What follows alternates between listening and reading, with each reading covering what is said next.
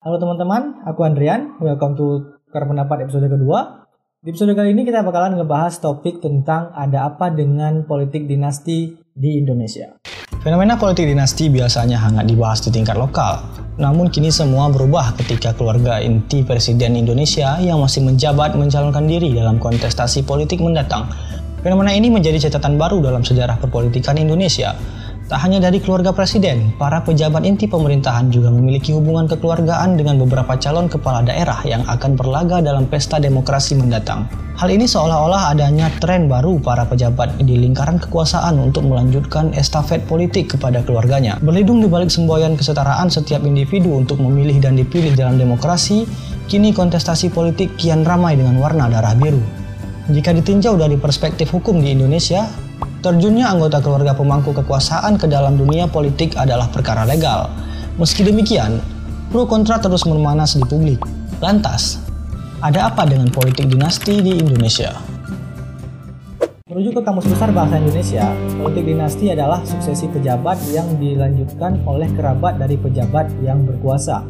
Dari fakta sejarahnya, dinasti politik setua peradaban Mesir kuno, di mana sistem monarki diterapkan. Peralihan kekuasaan dari keluarga ke keluarga telah maklum dikenal sebagai bentuk dinasti politik oleh berbagai bangsa.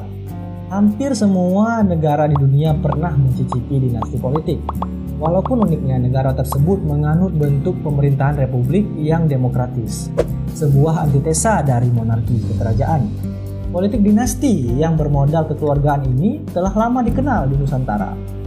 Sejak berdirinya dari kerajaan Hindu, Buddha, hingga Islam.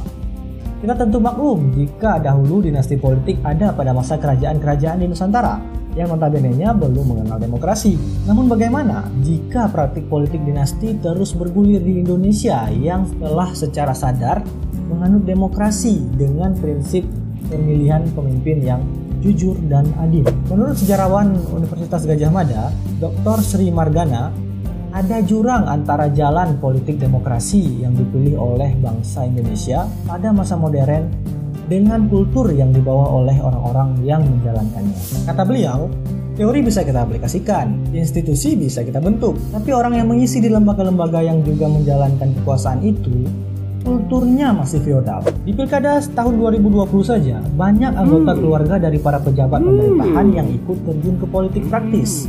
Mulai dari putra Presiden Jokowi, Gibran Rakabuming Raka sebagai calon wali kota Solo, kemudian iparnya Bobi Nasution sebagai calon wali kota Medan, Kemudian ada juga putri Wakil Presiden Ma'ruf Amin, Siti Nur Aziza sebagai calon wali kota Tangerang Selatan yang juga akan bersaing dengan keponakan Prabowo Subianto Rahayu Saraswati Jojo Hadikusumo hingga putra dari Sekretaris Kabinet Negara Pramono Anung Hanim Dito Himawan Pramono dalam Pilkada Kediri. Setelah dihapusnya pasal 7 huruf R Undang-Undang Nomor 8 Tahun 2015 tentang pembatasan larangan keluarga petahana atau politik dinasti, fenomena seperti ini menjadi sah-sah saja. Menurut Majelis Hakim Konstitusi, Pasal itu bertentangan dengan pasal 28I ayat 2 Undang-Undang Dasar 1945. Hal ini membuat pencalonan anggota keluarga yang pejabat berkuasa sebagai sesuatu yang tidak bertentangan dengan hukum bahkan bisa sesuai dengan aturan main dari KPU. Memang hal ini bukan hanya terjadi di Indonesia, namun juga terjadi di berbagai negara lainnya. Misalnya, ada keluarga Kennedy dan keluarga Bush dari Amerika, keluarga dari Kanada, keluarga ha. dari Korea Selatan. Memang politik dinasti ada di banyak daerah dan seolah ini menjadi hal yang biasa-biasa saja. Namun pertanyaannya, apakah kita membenarkan yang biasa atau membiasakan yang benar? Tak sedikit pihak yang mengkritik ramainya anggota keluarga pejabat berkuasa terlibat dalam kontestasi politik praktis mendatang. Menurut pengamat politik dari Lembaga Ilmu Pengetahuan Indonesia, Dini Suryani, beliau mengatakan penyebab utama politik dinasti menjamur di Indonesia ialah mandeknya fungsi partai politik sebagai sarana rekrutmen politik yang objektif. Anggota keluarga dinasti yang telah memiliki modal atau privilege atau finansial dan popularitas dipandang lebih potensial menang dalam pemilihan dibanding orang biasa. Persoalan pilkada Solo misalnya, yang kini seolah menjadi urusan orang-orang di luar kota Solo yang notabene-nya tidak punya hak suara dalam pilkada di sana. Popularitas besar-besaran ini menjadi perhatian netizen lintas nasional lantaran disinyalir adanya politik dinasti tidak langsung. Sebab publik bisa menilai adanya Jokowi efek.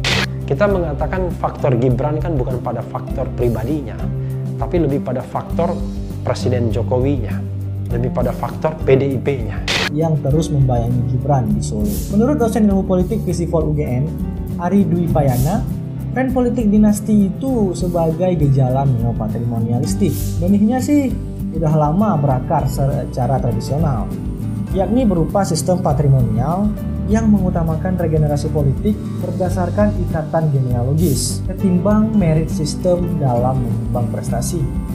Daerah tertentu di Indonesia sebenarnya sudah pernah mengalami pengalaman pahit dari keberadaan dinasti politik.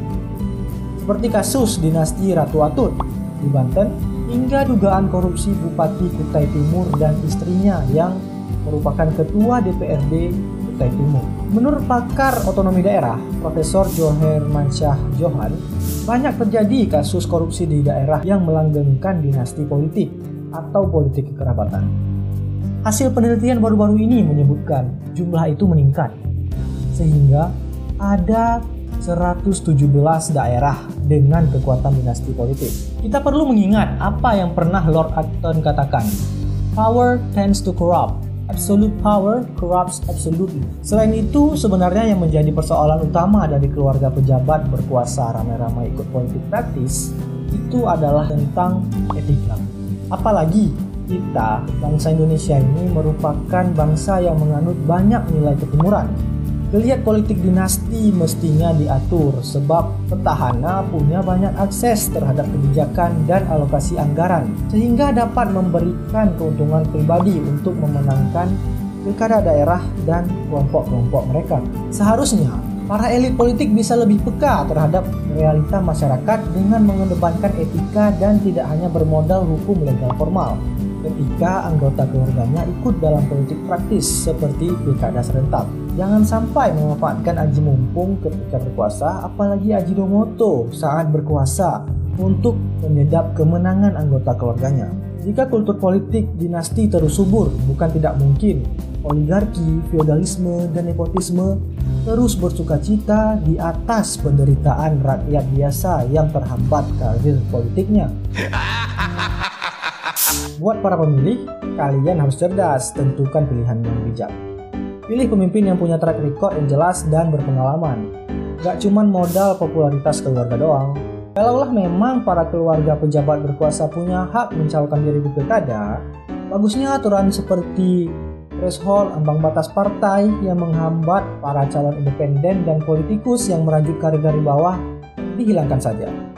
Alasannya sama, tidak boleh ada diskriminasi So, gimana menurutmu? Ayo bertukar pendapat di kolom komentar di bawah ini. Kalau menurutmu video ini bermanfaat, jangan lupa klik like and share.